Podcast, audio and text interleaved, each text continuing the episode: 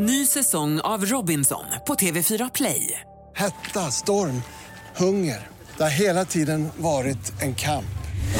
Nu är det blod och tårar. Fan händer just nu. Det. är Detta är inte okej. Robinson 2024, nu fucking kör vi! Streama söndag på TV4 Play.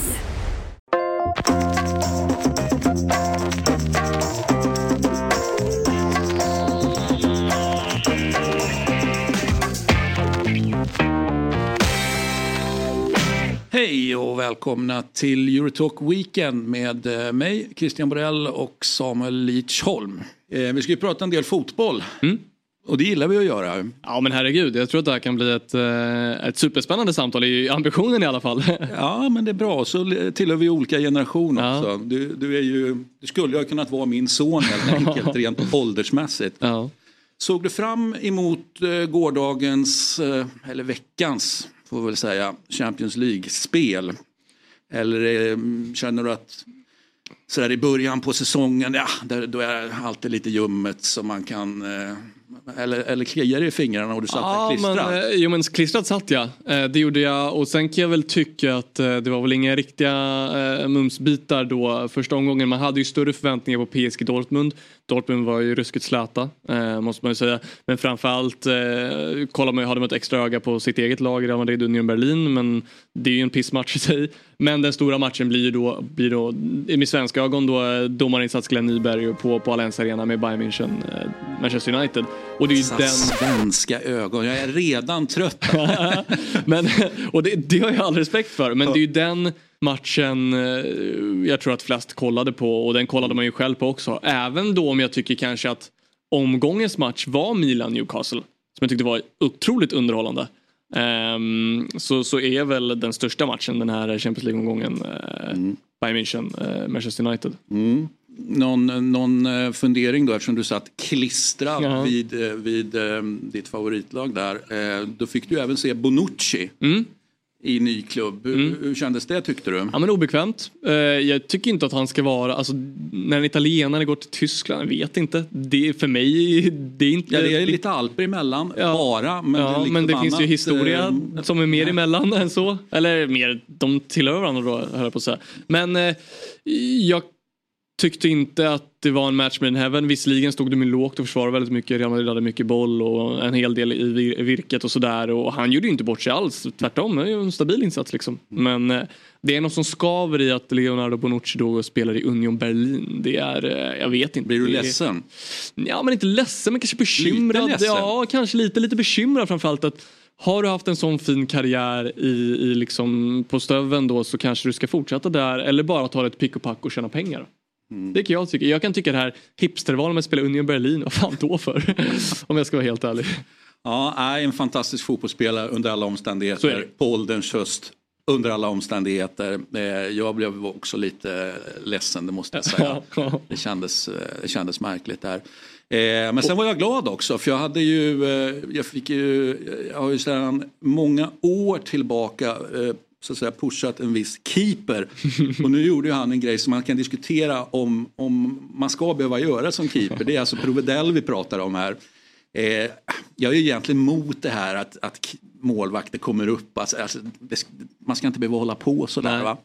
Men eh, det är bara att konstatera att fotbollsvärlden eh, går ju igång på såna här grejer. Ja, vilket jäkla liv det blev med att han är 1,94, gör mål i 94 minuten, har nummer 94 på ryggen och det var fyra tillägg eller vad det nu var. Mm. Ja, alltså det var ju, eh, tror du på sånt där?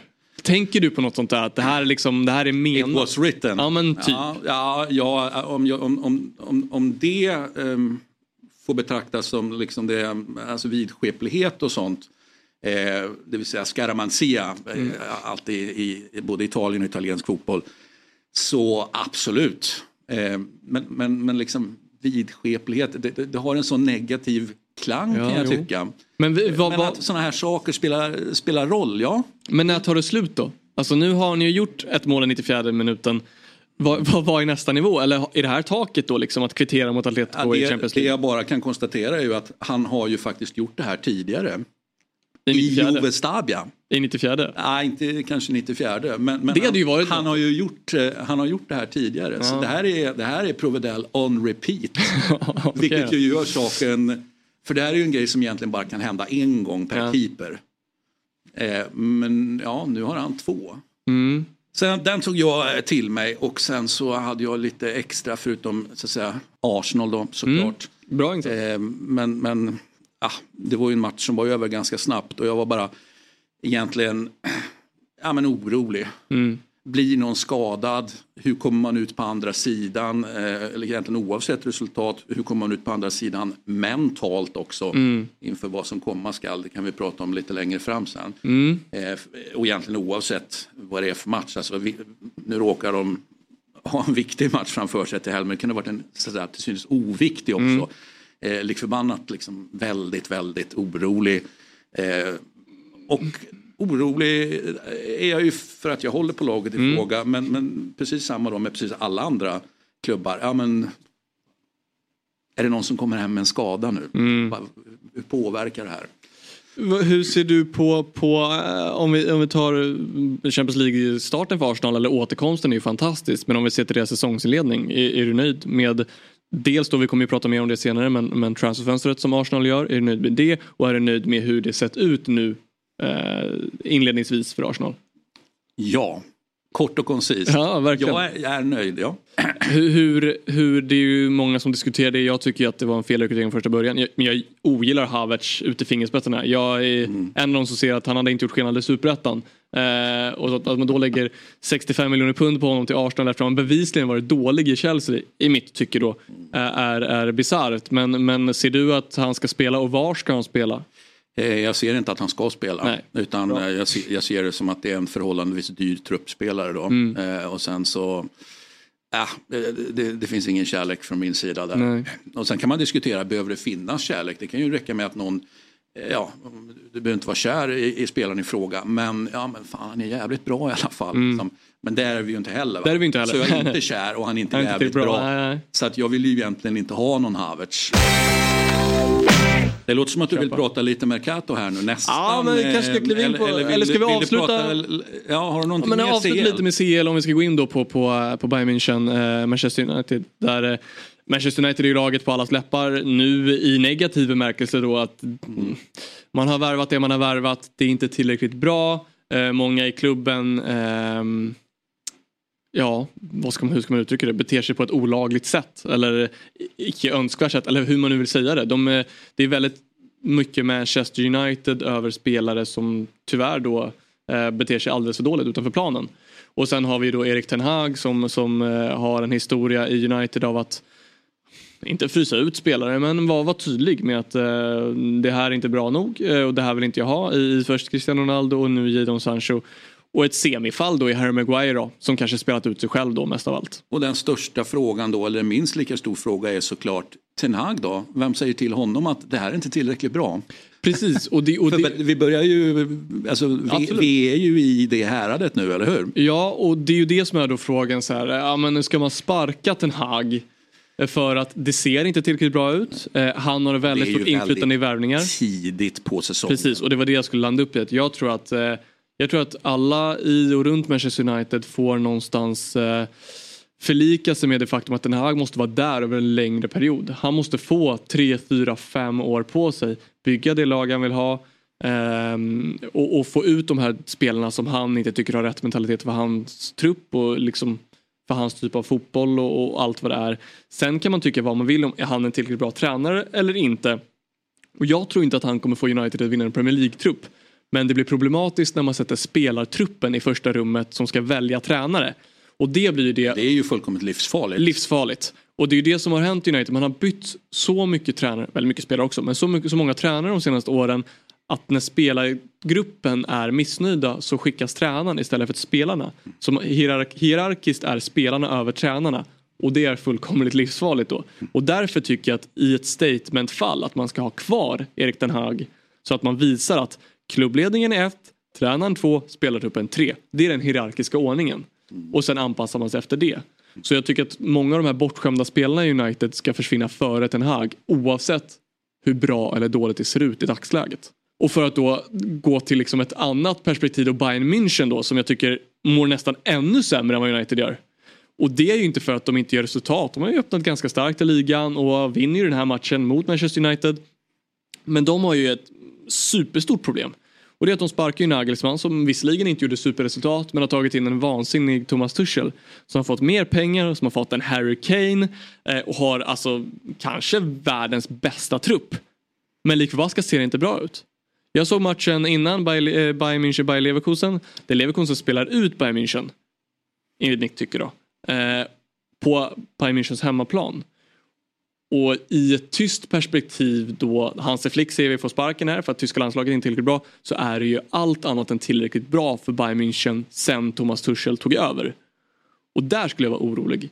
För man spelade på väldigt höga kort eller vad man ska säga när man sparkade Nagelsmann för att ta in Tuchel för att man var övertygad om att det här är rätt väg att gå.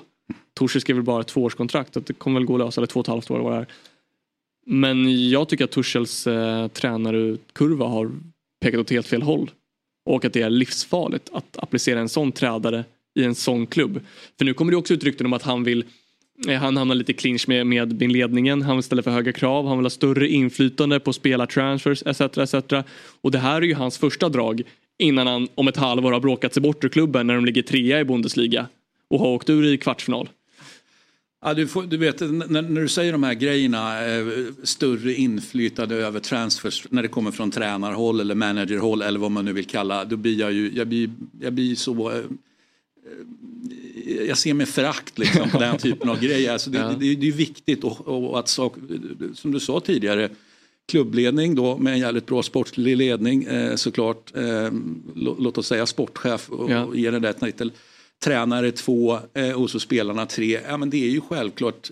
Det betyder ju också att eh, nummer två där, det vill säga tränaren, eh, ja större inflytande. Nej, du ska inte alls ha större inflytande. Nej, och, och dessutom med de resultaten han har levererat på senaste att det är ju en klassisk kontraktion då att så här, resultaten på planen är dåliga men jag har för dåliga spelare, ge mig något bättre att jobba med då. Och ja, jo, det kan man väl hävda nu att han kanske hade tillräckligt bra spelare i Tottenham då om man ser till att de presterar på en viss nivå nu som de inte gjorde under honom. Mm. Men jag kan tycka att det har blivit eh, för stort fokus eh, för tränare att vara investerade i värvningar. Eh, och då kommer vi väl in det då på spelarmerkaton att att jag tycker att tränare generellt är tränare av den anledningen att de är väl, ska vara skickliga eh, ledarskapsmässigt men också taktiskt. Och sen så har de ju massa hjälptränare som har olika spetskunskaper i alla olika områden. Men tränarens första roll är ju att se hand om att gruppen mår bra och prestera bra. Mm. Det är det primära, enligt mig då. Mm. Och då ska man inte in och grotta för mycket i de sportsliga värvningarna. För där ska du som du älskar då ha en sportchef som gör det jobbet. Och problemet blir ofta att många tränare eh, blir egenkära i spelare de har haft tidigare. Och på den nivån kanske de var otroligt bra spelare. Till exempel då Onana, i, han var jättebra i Inter också, men i Ajax eller, eller Martinez i Ajax eller Antoni i Ajax som nu har kommit in till exempel då till, till Manchester United. Men kanske inte kan prestera på den nivån i Premier League eller i Manchester United. Större klubb, större förväntningar, annan typ av fotboll. Och jag tror att man blir ganska eller kär i sina gamla spelare om man vet att de har presterat bra. Jag tror att det är livsfarligt att ta sådana spelare. Och när den eh, kravställningen blir lite för offentlig, att diskussionen möjligtvis förs bakom lyckta dörrar, eh, kan man diskutera om eh, hur, hur, bra det är. Men att säga att du har en president som sitter ner med en sportchef och en tränare och man för en diskussion om ja, den här positionen, vi ska nog, eller vi ska göra någonting åt den och förbättra den helt enkelt. Eh, hur, hur, går tankarna? Så kan man ju tänka sig att ja, men vi kan tänka oss eh, spelare A, B, C, D eller 1, 2, 3, 4, 5 kanske ännu enklare. Eh, um, för så finns det ju såklart. Mm. Varje sportchef på varje position har ju en, en shortlist på beroende på om det är under säsong eller om det är, för då är det spelare som kanske mm. står utan kontrakt. Oj då händer en skada här, då måste jag ha koll på vad, vad, vad ska jag gå? Mm. Så, att du inte behöver uppfinna hjulet någonstans. Då. Eh, och är det inte säsong, ja men då har man ju, ja då, då, då är ju mekanismen en annan helt enkelt. Men en som har fascinerat mig under, under han fascinerar mig alltid i och för sig, men fascinerat mig under, under sommarens Mercato, det är ju Sarri faktiskt. Som är ju, de, är, de är liksom, ja men de är överens, nu var det ett sportchefsbyte där också, men de är överens ändå om, om positionerna det ska göras någonting åt. Eh, shortlisten finns ju någonstans eh, men, men, men han, han bara kräver ju liksom att få in, in, inte bara en av de här fem spelarna, eh, eh, eh helst så högt upp på listan som möjligt. Nej men jag vill ha Ritchie. Jag vill ha Zielinski. Han, han, och så spelar det där ut och, och så är det igång och så är det en president som kanske inte är helt nöjd med, med, med saker och ting. Men han, jag, jag, tycker faktiskt att han är ledande av, av de här, liksom, att, att, att namnkräva. Mm. Eh, eller se till, man kan alltid diskutera om det är han själv, men han ser till att, att namnen läcker och så, mm. och så är diskussionen igång. Och det vill säga, jag vill inte kalla det tjafs, men, men då är den grejen igång då. För det finns ju lik förbannat en sportslig ledning och det finns en president eller lägare.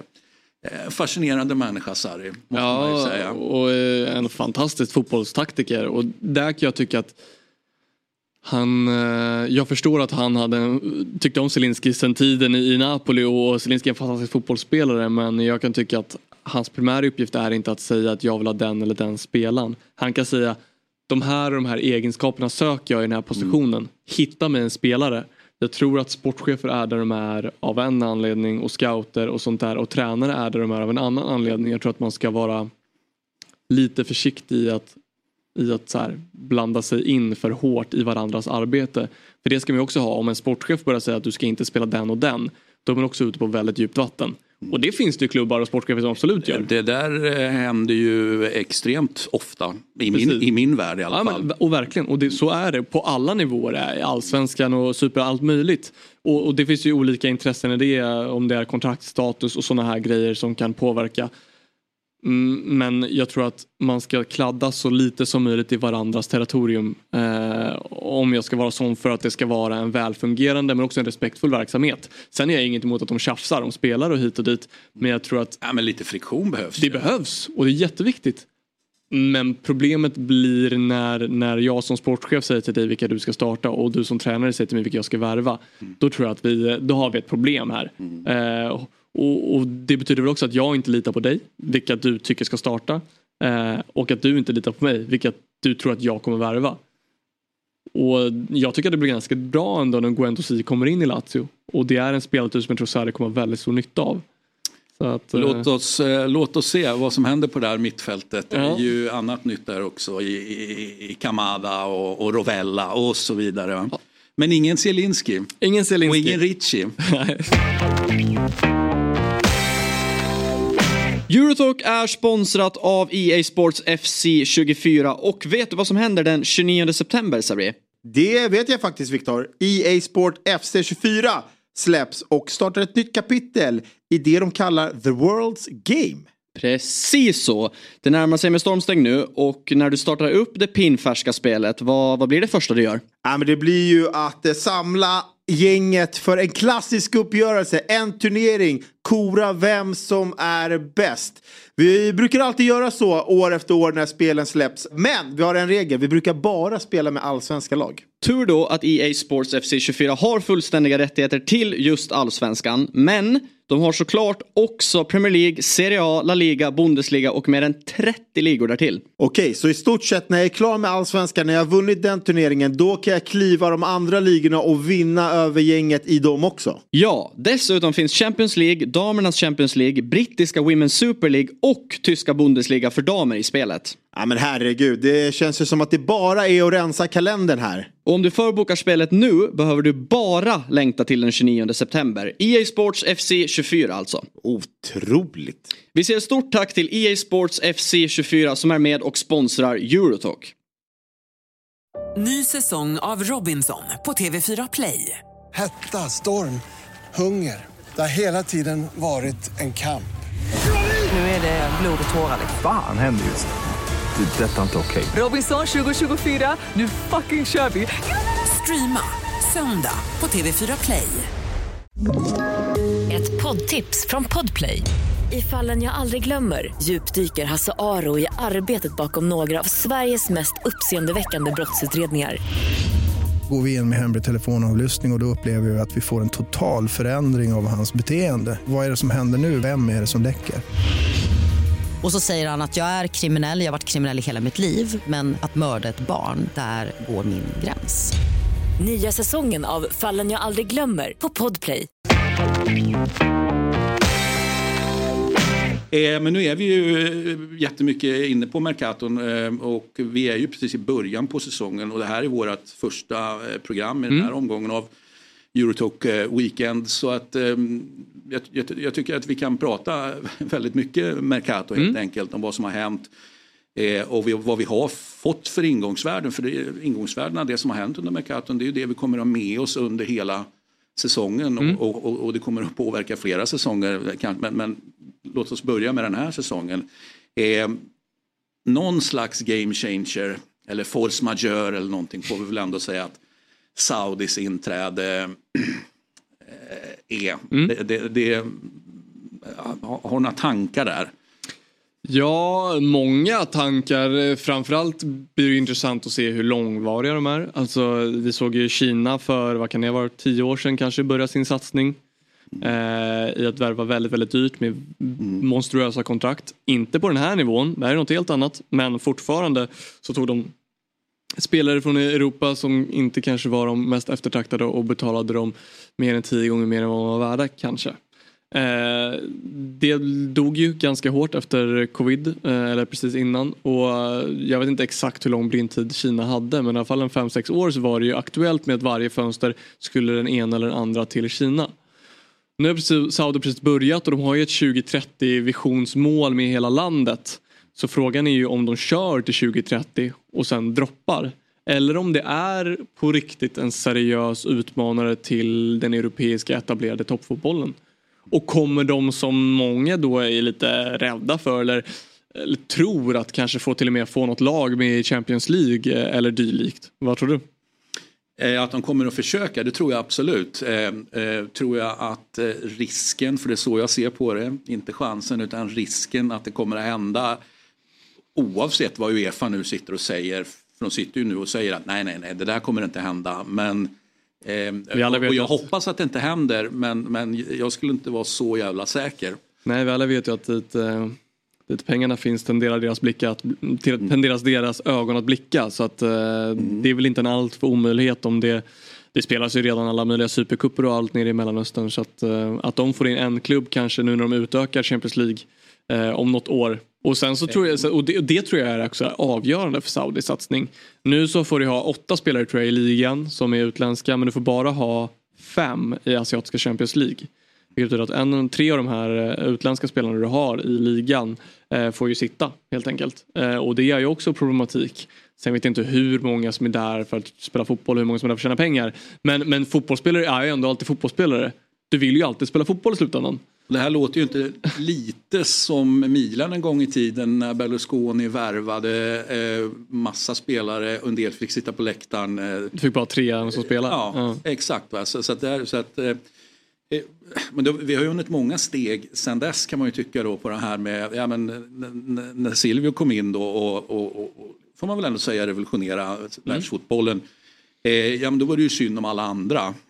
Och sen, i något läge blev det synd om Berlusconi för han har liksom inte råd att, att, att, tävla mot länder och, liksom, och PSG och sådana grejer. Eh, och nu är ju faktiskt, eh, nu blir det ju intressant att se då eh, PSG eh, som ju är Qatar eh, och så har Saudi, om de har lagt till en ytterligare växel, man kan ju man kan väga det där mot varandra. Men nu är det ju synd om PSG. Så, så all, nu, nu, nu är ju han ute, eh, Nasser, eh, precis, och eh, konstaterar då att ah, men det här med lönetak det, det, är, en bra, det är en bra grej. Eh, det, det vill vi, det har vi velat länge. Eh, och jag vet att alla vill det. Så nu, nu är det synd om PSG Ja, och också. där ska man ju inte underskatta Nasser heller. Han har ju varit eh, extremt eh, prominent i att ta sig till Uefas finrum och har ju enormt inflytande i fotbollen måste man nog säga. Och nu ska ju de undersökas här för deras tre affärer med, med eh, katariska klubbar i och med att de har sålt tre spelare då för ah, tycker inte att summorna var så astronomiska helt ärligt. Men sen Nej, så är det väl en, de, en de deal av... gjorde, gjorde att man kom under en gräns Ja. i, i det finansiella regelsystemet Ja, helt enkelt. och, och men tidigare om man då ser till exempel Barcelona och Juventus som blev straffade för att de trissade upp de här alltså, värderingarna av fotbollsspelare. Så tycker jag att 45 miljoner för Verratti, ja det är klart att det är väl ingen europeisk klubb som hade betalat det i dagsläget men det är inte det är inte så stort skulle jag säga.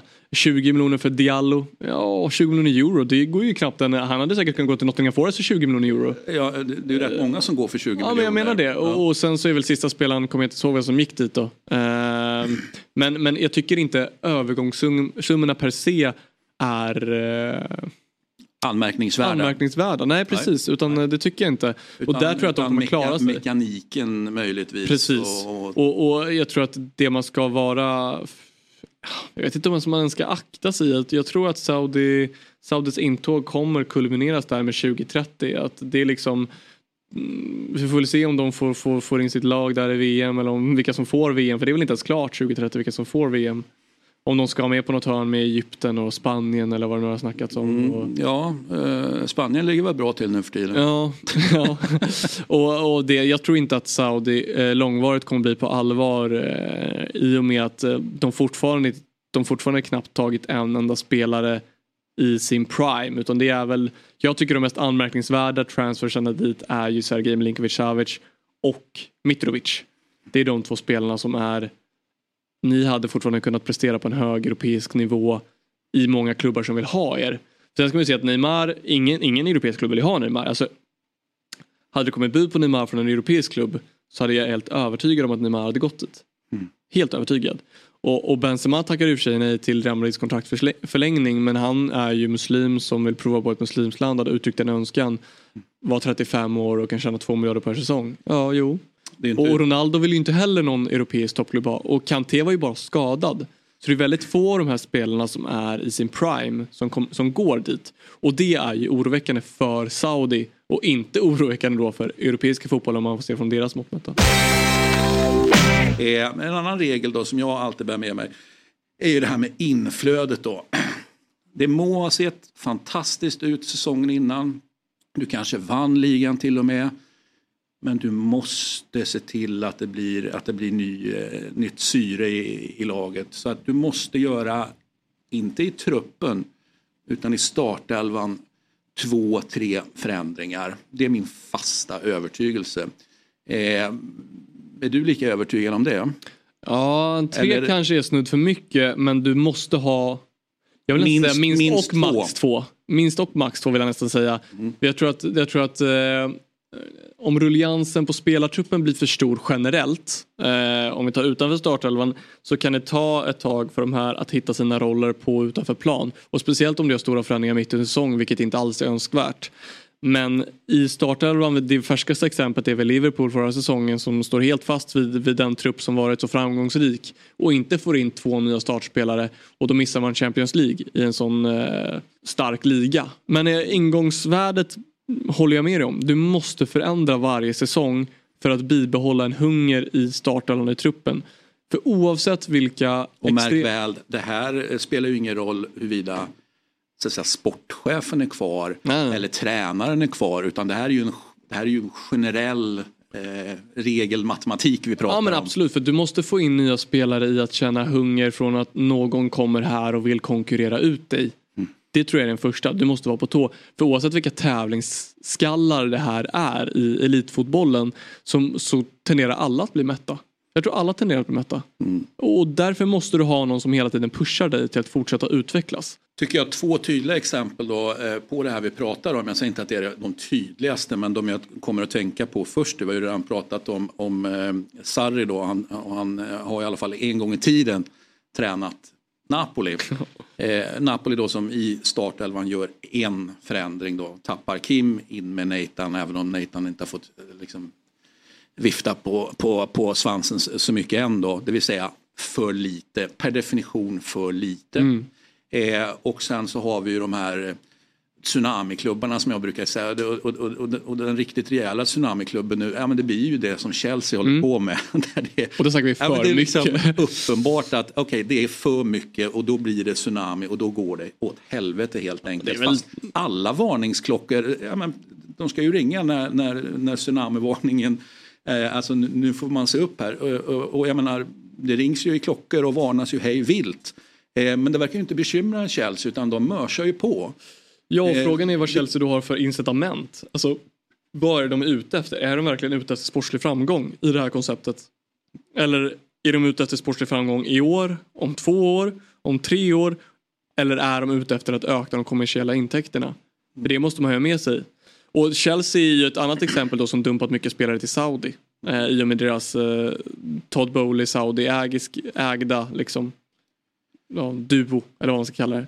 När en ny ägare går in då kan det ju vara så att man går in med, man, man beslutar sig för att göra en rejäl ja, men revolution helt enkelt. Alltså, många nya spelare, många nya, eh, alltså de som ska, ja, som ska sportchefa och allt vad de, och de som ska träna och allt vad det nu är.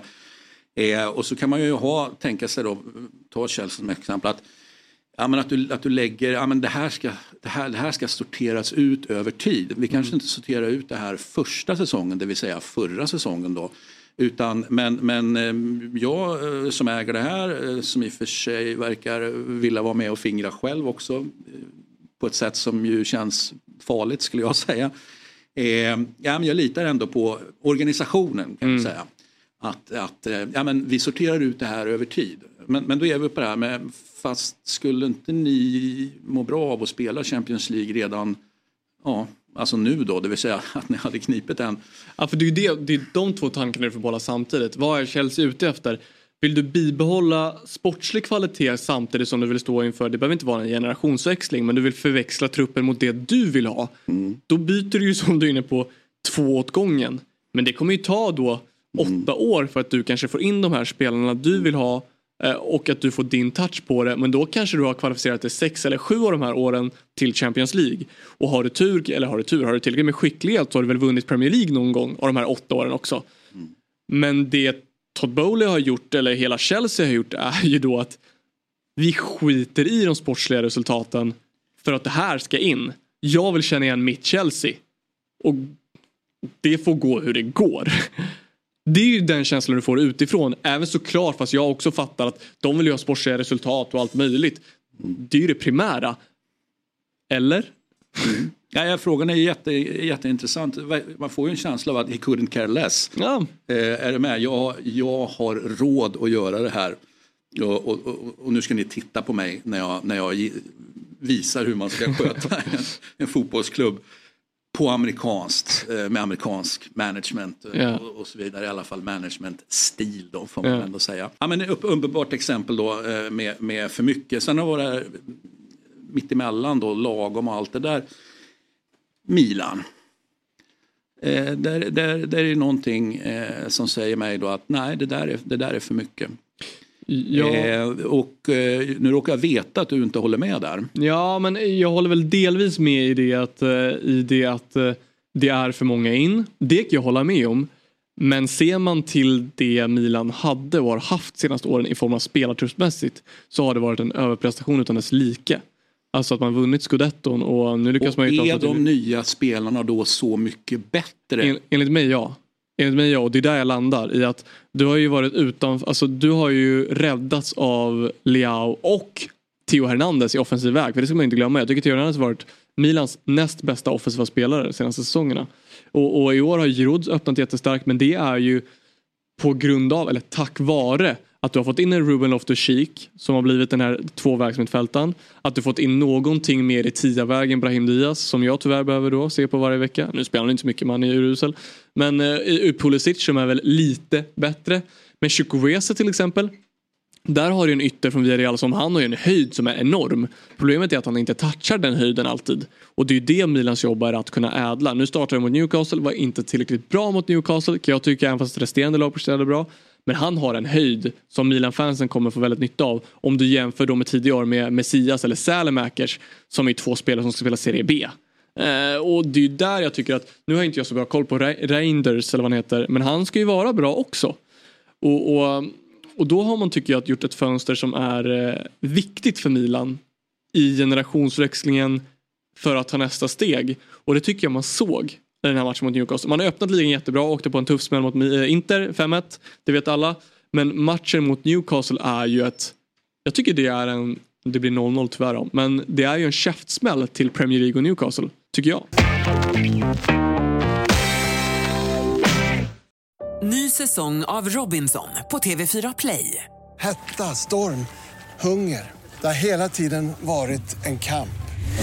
Nu är det blod och tårar. Fan händer just nu. Det. Detta är inte okej. Robinson 2024, nu fucking kör vi! Streama söndag på TV4 Play. Ett poddtips från Podplay. I fallen jag aldrig glömmer djupdyker Hasse Aro i arbetet bakom några av Sveriges mest uppseendeväckande brottsutredningar. Går vi in med hemlig telefonavlyssning och, och då upplever vi att vi får en total förändring av hans beteende. Vad är det som händer nu? Vem är det som läcker? Och så säger han att jag är kriminell, jag har varit kriminell i hela mitt liv men att mörda ett barn, där går min gräns. Nya säsongen av Fallen jag aldrig glömmer på Podplay. Den här helgen som eh, kommer nu då, vad, vad står på agendan då? Nu menar jag inte att du ska få berätta, eller du får jättegärna berätta att du ska träna och spela match och allt möjligt. Men Ja, det var inte dit jag tänkte komma. Nej, nej, men, jag tänkte eh, du, vi kunde komma till vad, vad, vad tittar du på i helgen Samuel? Ja, eh, främst kollar jag alltid mitt Real Madrid men, men jag kommer framförallt eh, kolla på både Stockholmsderby som, som kommer här. Eh, väldigt intressant ur väldigt många aspekter men det finns ju ett annat derby som kanske eh, är mer för den gemene man och det är ju det i norra London.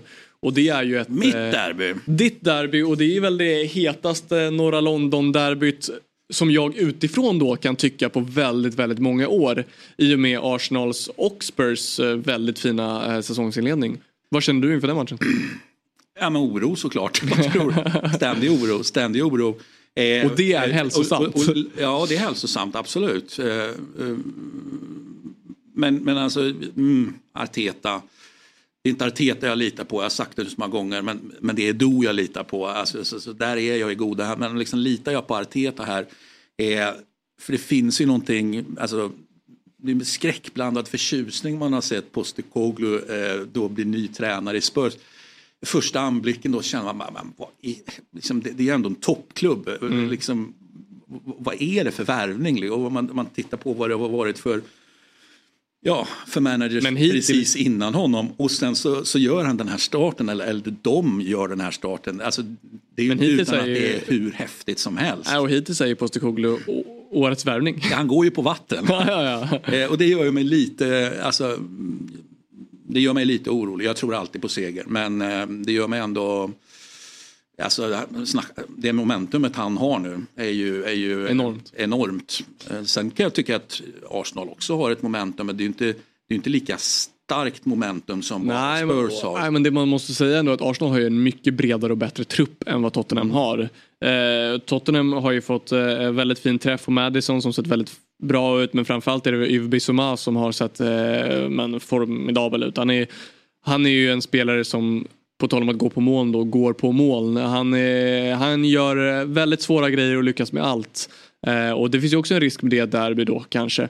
Men eh, Postekoglu har ju fått eh, otrolig, eh, otroligt mycket rätt på sina, han har fått liksom, vad säger man, han har fått rätt på sina spelare. Han har fått dem att prestera högre än vad man trodde att deras högsta nivå var och jämnare. Och det är ju en tränaregenskap som är ja, men, utomordentlig. Och tänk då, det var ju om alltid det man den sa. håller i sig. Alltså, Precis, Vi är ju och håller den- här nu, för det här är ju det här är ju än så länge för bra för att vara sant. Ja, verkligen, och det kommer ju inte vara så här bra heller. Nej, de kommer ju inte vinna Premier League. Eh, och, och det är ju en, en överdrift om de tar sig till Champions League för att vara tydlig. Det tycker jag. Mm. Klarar de topp fyra är det en supersäsong av Spurs. För jag tycker inte att de har truppen. Och det måste man bara jämfört med förra året och i år att de har blivit av med ligans bästa anfallare, eller näst bästa då kanske, eh, är ju ett sånt enormt tapp för Spurs och det är inte sant. Eh, men, men det, ska bli, det blir spännande att se. Men då. det finns det någonting otroligt, alltså, jag älskar ju det här den diskussionen som att ah, men om han flyttar då kommer det här gå åt helvete och de blir, de blir ja, men, eh, inte bara en klass sämre utan två klasser sämre och så har man faktiskt en spelartrupp som då Steppar upp, ja. steppar upp och levererar. Eh, Alltså, när det händer och som sagt var vi är tidigt på säsongen.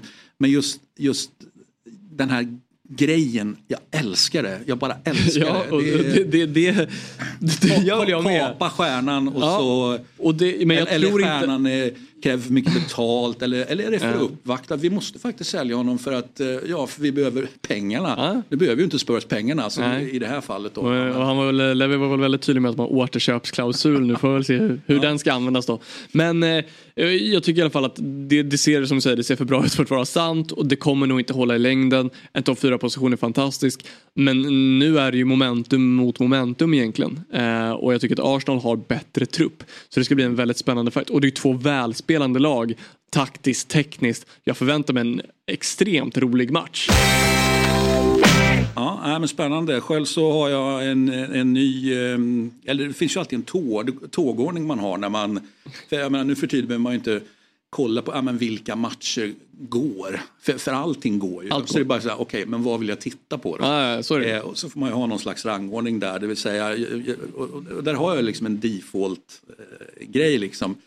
Eh, ja men det är Arsenal, eh, sen tittar jag gärna Lecce, Lecce. eh, och, och, och lider eh, per definition hur mycket som helst. Men eh, Alltid. lite snabbt eh, stannar här vid Lecce då. Två svenskar som gick dit i somras. Almqvist som spelar. Eh, Smailovic som inte spelat än men har väl varit med i truppen tror jag om jag inte minns fel. Jo då. Eh, Vad tycker du generellt om svenskar i dina lag? Nej, Jag är ganska ointresserad av vad, om de, eller säg så här, om de presterar är de, är de välkomna. Men det gör inget extra med dig liksom? Nej, verkligen inte. Eh, tvärtom. Jag, jag tycker många gånger att det blir, dis- diskussioner blir, det blir liksom bara blir förfelat. Det är samma så här, jag menar Isak. Eh, eh, nu, är inte, nu är inte han någon favorit, men jag har inget emot honom. Jag, jag kanske till och med tycker om honom. Men, men Isak-diskussionen, Isak i AIK, Isak i Newcastle, Isak i, i, i Sociedad. Liksom. Är med, jag är så oändligt trött på... Ja. men, ja, den men jag kan ju- uppmärksamheten får han ju såklart för att han är svensk. Han är ju en jättebra fotbollsspelare. Han är vår största stjärna nu. Men liksom det här eviga tjatet. Och jag förstår att, man kan, att vi så att säga, i Sverige, eller vi som svenskar har behov av att prata om vår, som du säger då, största stjärna nu. Mm. Så att, eh, men, men det behöver inte betyda att jag eh, tycker att det är kul. Nej, nej, men- Utan jag tycker det blir överdrivet helt enkelt. Ja, nej, bara för att säga, jag kollar ju ibland eh, Lecce startelva och resultat enbart för att det är lite svenskar där. Så att jag kan tycka att svenskintresset höjer, nu är ju inte Lecce min klubb, men det höjer i alla fall att jag försöker hålla koll på hur det går statistiskt för dem. Eh, och är, är det ingen match och det kanske spe, Lecce spelar mot Bologna, då kanske sätter på det för där har vi tre svenskar. Bra där! För nu är vi nämligen på eh, default-läget och Bologna är numera sen. Thiago Motta eh, klev Inte på. Jesper Karlsson då alltså? Nej, eh, men han har varit jättebra. Men, men eh, Thiago Motta är då, ja, men det, detta är ett projekt jag följer. Jag tittar Bologna varje helg. Mm. Eh, sen kan man, ja, det kan bli krockar och sådär. Men, men, eh, så de- är mitt, ny- alltså tredje laget då. Nu säger inte jag att jag håller på det, men Nej, nej. där jag följer, dig. där jag följer ett projekt liksom intensivt ska jag säga. Mm. Jag är väldigt bra på att följa projekt intensivt också. Jag blir, eh, kan bli lätt manisk liksom. Så Ja. är det. Eh, och, och de har då knuffat ner Sassuolo. Ja, men Sassuolo utan De Serbi men det är fortfarande jättespännande tränare. Eh, fortfarande jättespännande fotboll, lite rakare, mer vertikalt än De Serbi såklart med Di- Dionisi. Eh, men Sassuolo eh, försöker jag också alltid titta på Mm. varje helg för att se Alltså, rimligtvis är, är projektet liksom sakta men säkert på väg ner. Det är samma ägare hur länge sen de, Mm. typ eh, millennieskiftet och det, det är liksom klubbledning som har suttit hur länge som helst. Alltså det finns mycket som är bra här. Mm. Men, eh, Men de lyfter aldrig riktigt, eller? Nej, men, och, det kan, och det kanske de inte kan heller. Nej. Utan det kanske är det där la- laboratoriet där, där man får fram olika grejer. Jag tänker då. om Men, ändå Atalanta från Bergamo kan lyfta på det sättet som de ändå gjort senaste fem åren eller om man ska säga. Då borde väl ett Sassuolo rent tekniskt kunna göra det, eller? Ja men Atalanta är väl beviset på att det går. Ja, Eh, det det. beroende på hur man ser på det här med press och inte. Du har ju lik förbannat, det är en större stad och därmed en större press skulle jag säga. En annan kanske fotbollskultur i Bergamo och Atalanta då. än om du tar eh, Sassuolo som Mm. är så att säga, mycket mindre och, och inte alls har den liksom, historiken då. Eh, sen om det är bra med press, alltså det, det, det, det beror ju på. Eh, Ja, ibland blir det för mycket, ibland är det för lite. Mm. Men om du har klart för vad, vad du är ute efter, då kan du göra din grej. Och där är ju Sassuolo väldigt eh, Mm. tacksam. Så att, eh, men, men de är numera Fyra. eh, fyra då i, i default-läget. Men sen så måste man ju liksom fingra lite på, på andra grejer också. Det, det, men, men, men det är rätt tacksamt då. Sassuolo går ju mot Juve nu så den, den känner jag blir lite spännande där. Ja. Och sen ska ju Bologna ta sig an Napoli. Det är ju i och för sig en eh, rolig match. Mm, känner Napoli som eh, ryktats ju skulle ta Jesper Karlsson i många fönster här nu och hur mycket sanning det finns i det, det har väl inte jag någon aning om. Men, eh, Ingen kul att du säger att han, utan eld. ja, men så är det, men kul att du säger att han har startat väl för det är ju en spelare som jag sa att... eh, Alltså han har startat riktigt bra. ja. Eh, om, om du frågar mig har han startat eh, liksom bättre än alla pratar om att Almqvist har gjort mål och allt möjligt. Mm. Eh, alltså, för mig är ju Jesper Karlsson på en, han ju på en annan nivå. Mm. Ja men det, det är han väl också Med all i... respekt för Almqvist. Jo men det är väl också ett svenskt perspektiv rent hierarkiskt med att han är med i landslaget och, och knackar på dörren till en startare och där och så, där, så Och det är ju inte Almqvist utan men det är väl kul att en, en svensk gör mål i Serie A som i Almqvist fall också liksom. Men Mm. Ja, får du han nummer 10 i. Bologna så då ska du ju prestera och, och många kanske tyckte att det var ett litet för litet steg men det kanske visade sig vara ett alldeles perfekt steg för honom då. Eh, I och med att eh, det kanske bara räcker med en säsong om han fortsätter på det här sättet då. Ja, han har ju varit väldigt tydlig med, man kan ju vara mer eller mindre tydlig med eh, när man blir presenterad som spelare, varför, varför, varför har du kommit hit, varför har du tagit det tröjnumret och allt det där.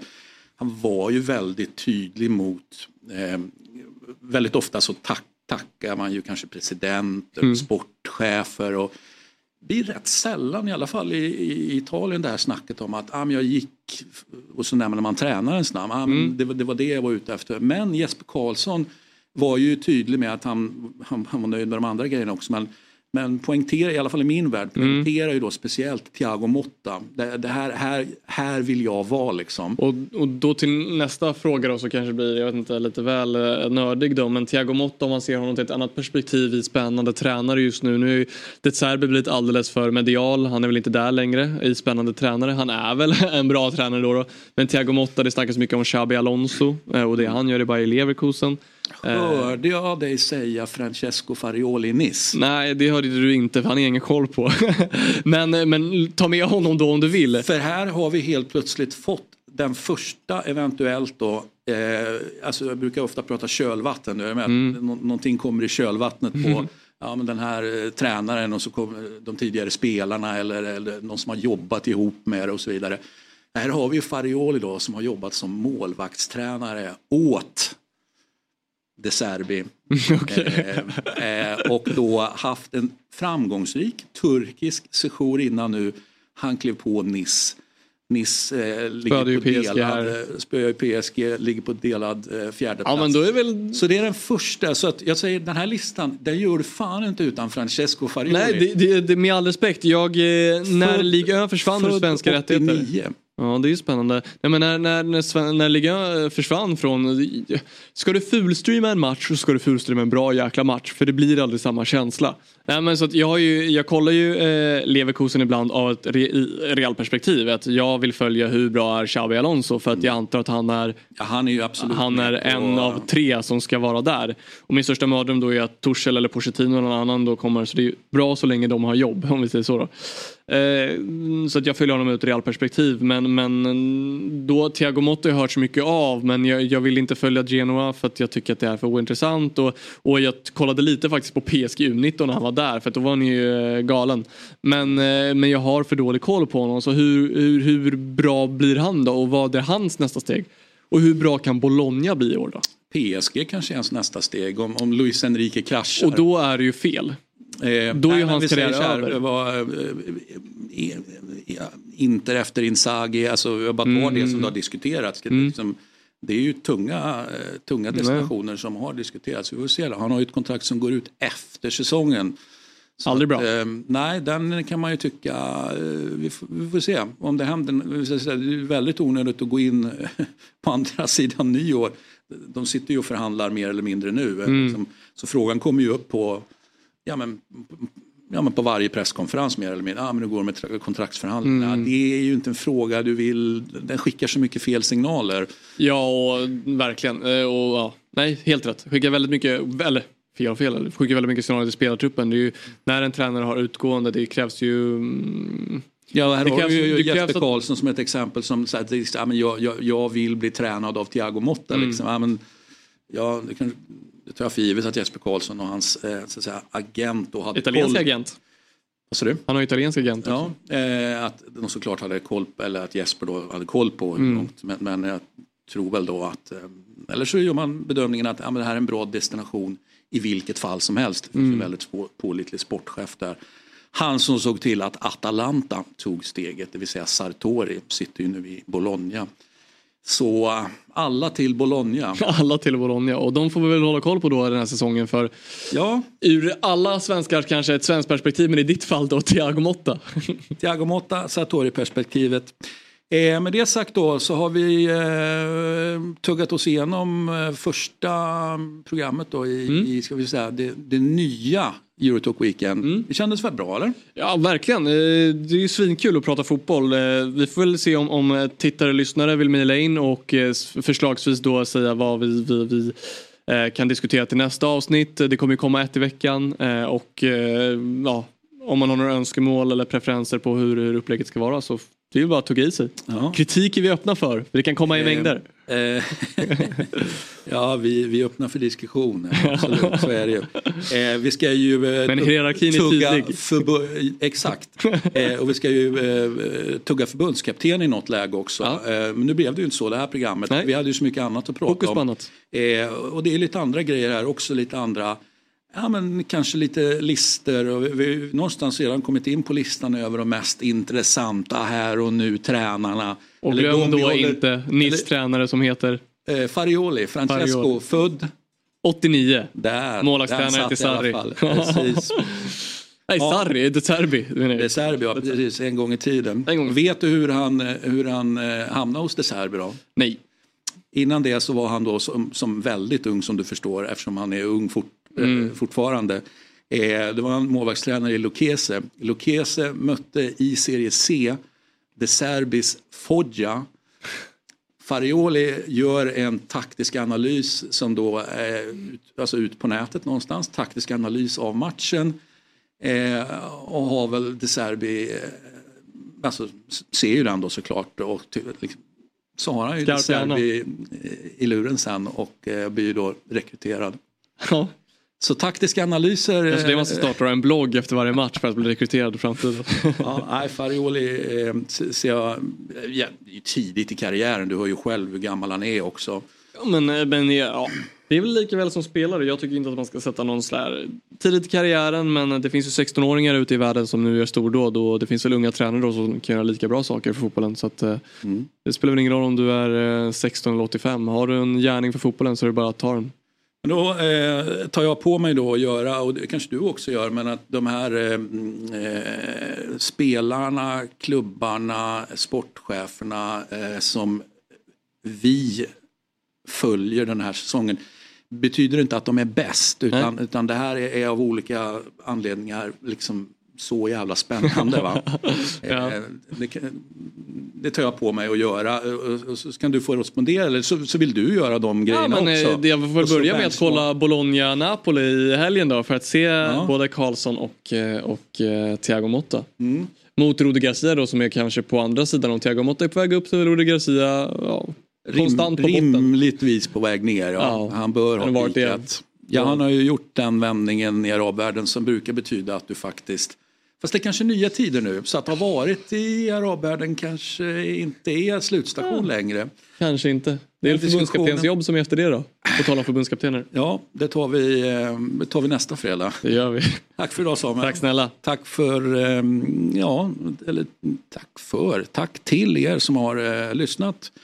Eh, och hade ni lust att skicka in någonting som Samuel ska respondera på så kan ni göra det. Kom ihåg hierarkin. Ja, precis. Ciao, ciao. Ciao.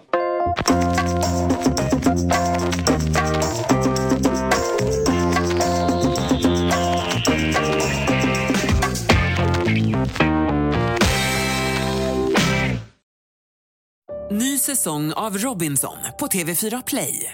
Hetta, storm, hunger. Det har hela tiden varit en kamp. Nu är det blod och tårar. Fan händer just nu. Det. är Detta inte okej. Robinson 2024, nu fucking kör vi! Streama söndag på TV4 Play.